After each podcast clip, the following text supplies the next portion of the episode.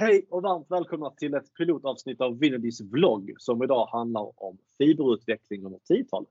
Jag heter Alexander Åkerberg och arbetar som marknadsansvarig på Vinergy och idag har jag med mig Sabine Simmelberg i Karlstad och Jakob Brycki i Malmö. Varmt välkomna till er båda. Tack, tack. Jag tycker att vi eh, börjar med att kort presentera er. Sabine, vem är du och vad gör du om dagarna? Ja, jag jobbar med fiberkunder av alla dess slag och jag jobbar med driftsäkerhet och strategiska frågor, K-upphandlingar och en rad sådana olika specialspår. Ja, Okej, okay. Jakob? Jag jobbar som leveransledare för dokumentation nationellt här på Winergy. Eh, främst är det väldigt mycket system som rör dokumentation, men det blandar in hela, för, hela företaget och dess data. Så det är mycket data, dataflytt, datatvätt och dokumentation. Okej. Okay. Och nu har ni fått det enkla uppdraget att summera fiberutvecklingen under ett helt decennium och eh, framtidsspana lite grann. Vilken smal mm. sak. Eh, jag tror köra igång eh, på det här. Hur såg eh, fibermarknaden ut för ungefär 10 år sedan, där i början av 2010? Sabine, vill du börja? Ja. Mm.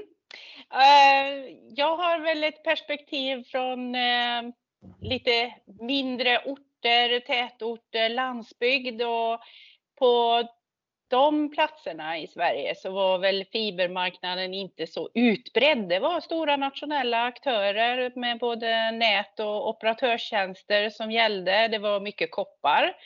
Men fibern började ju komma, det kom bredbandsmål och helt plötsligt aktualiserades en helt ny fiberkund i form av privathushåll och mindre företag. Innan dess var det mycket russin i kakan som plockades, alltså flerfamiljshus och större företag. Men eh, bredden på fiberutbyggnaden började sin lilla fart där någon gång 2010, 11, 12. Delar du den bilden Jakob eller har du något att tillägga?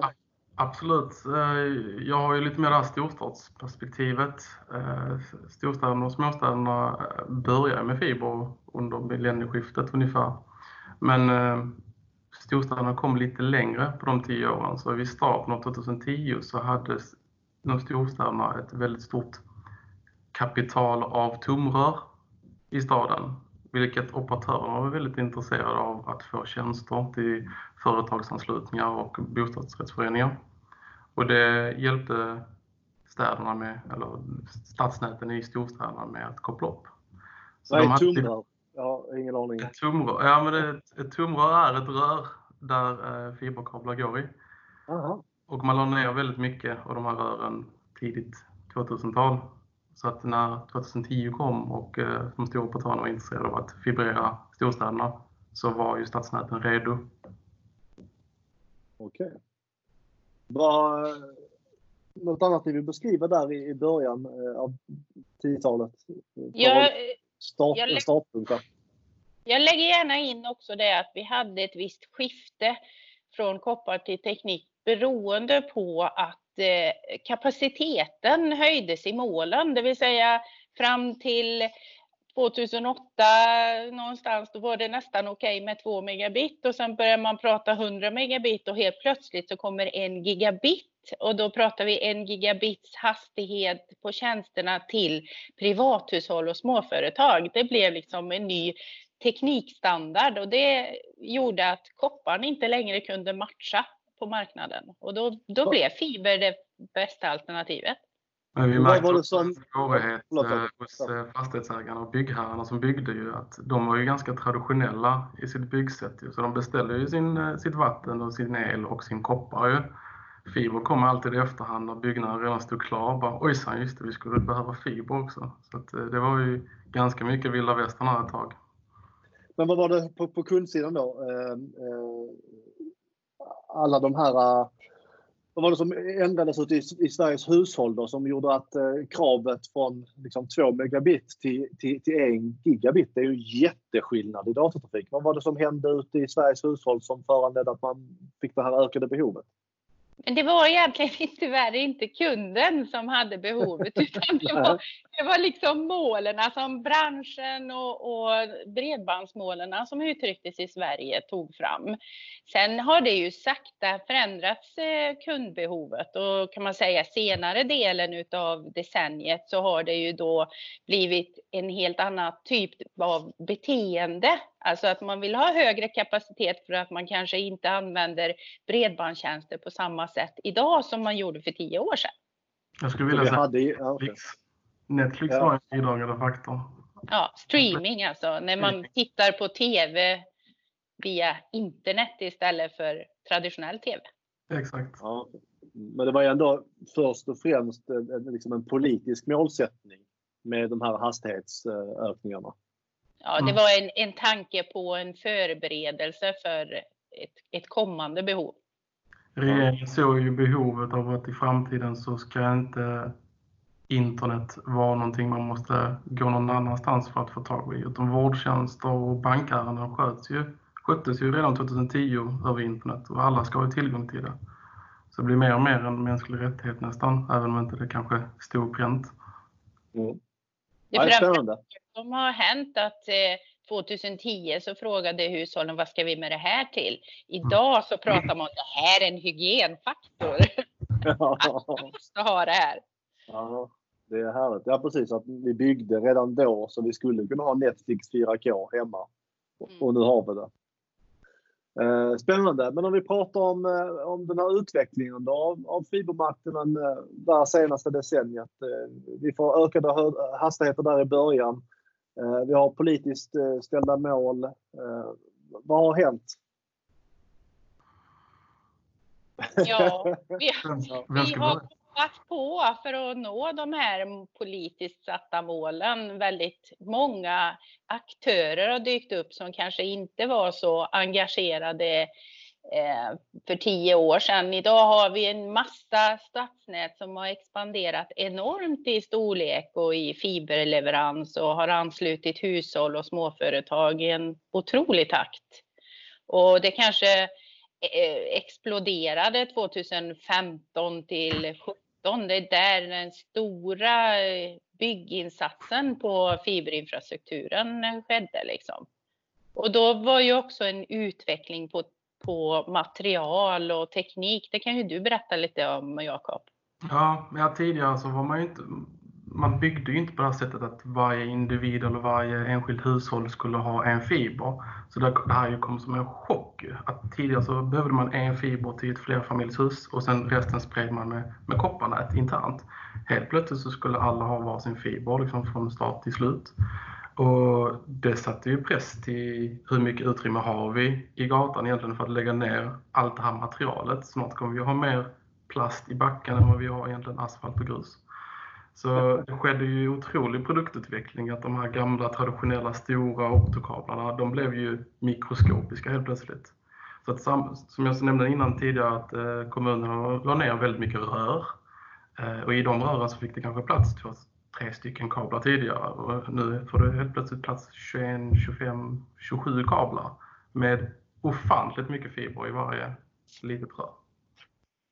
Så att, eh, det skedde väldigt mycket utveckling men standarden följde inte riktigt med. Så att, eh, vi, under tiden så har vi fått lära oss hur vi bygger på de, med de här nya produkterna och då togs det fram, Sabina, vad gjorde Robust Fiber?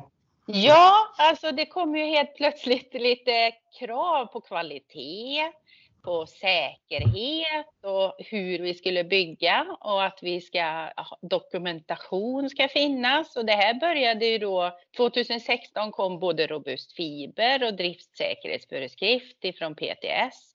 Så det blev ju, oavsett om vad man kan tycka om det kom i tid eller inte så är det ju någonting vi lever efter idag och eh, som eh, ställer lite andra krav och som också kanske blev en ekonomisk faktor att ta hänsyn till när man skulle bygga. Det blev lite dyrare att bygga helt plötsligt än det var från början och det kanske är det som har varit en av de bidragande orsakerna till att utbyggnaden har saktat ner lite grann här i slutet av decenniet. Det är en viktig aspekt i det hela. Vi kan inte fortsätta se den här infrastrukturen som något, ett komplement till något annat. Utan den här infrastrukturen har blivit så pass viktig så att andra infrastrukturer är beroende utav den. Går fibern ner till Arlanda eller Bromma flygplats, då lyfter ju inte planen. Tågen går inte. Elen börjar bli beroende av fibern också. Så att det är inte den här roliga, kanske vi ska ha infrastrukturen för att det är roligt att titta på Netflix, utan vårt samhälle är jätteberoende av det.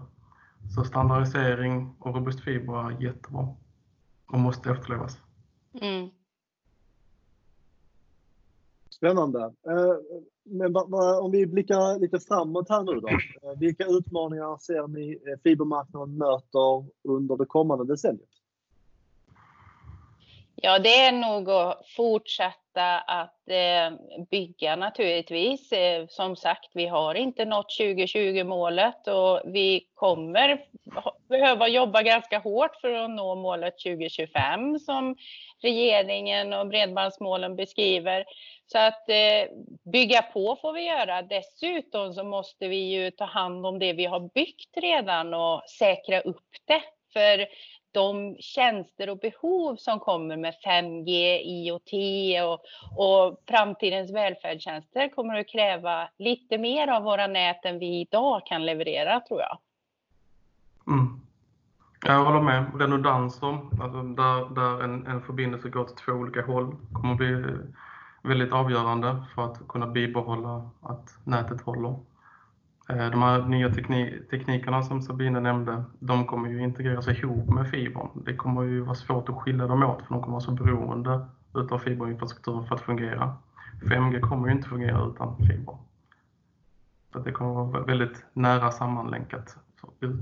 Tidigare har det varit två olika liksom, teknologier, men nu går det ihop.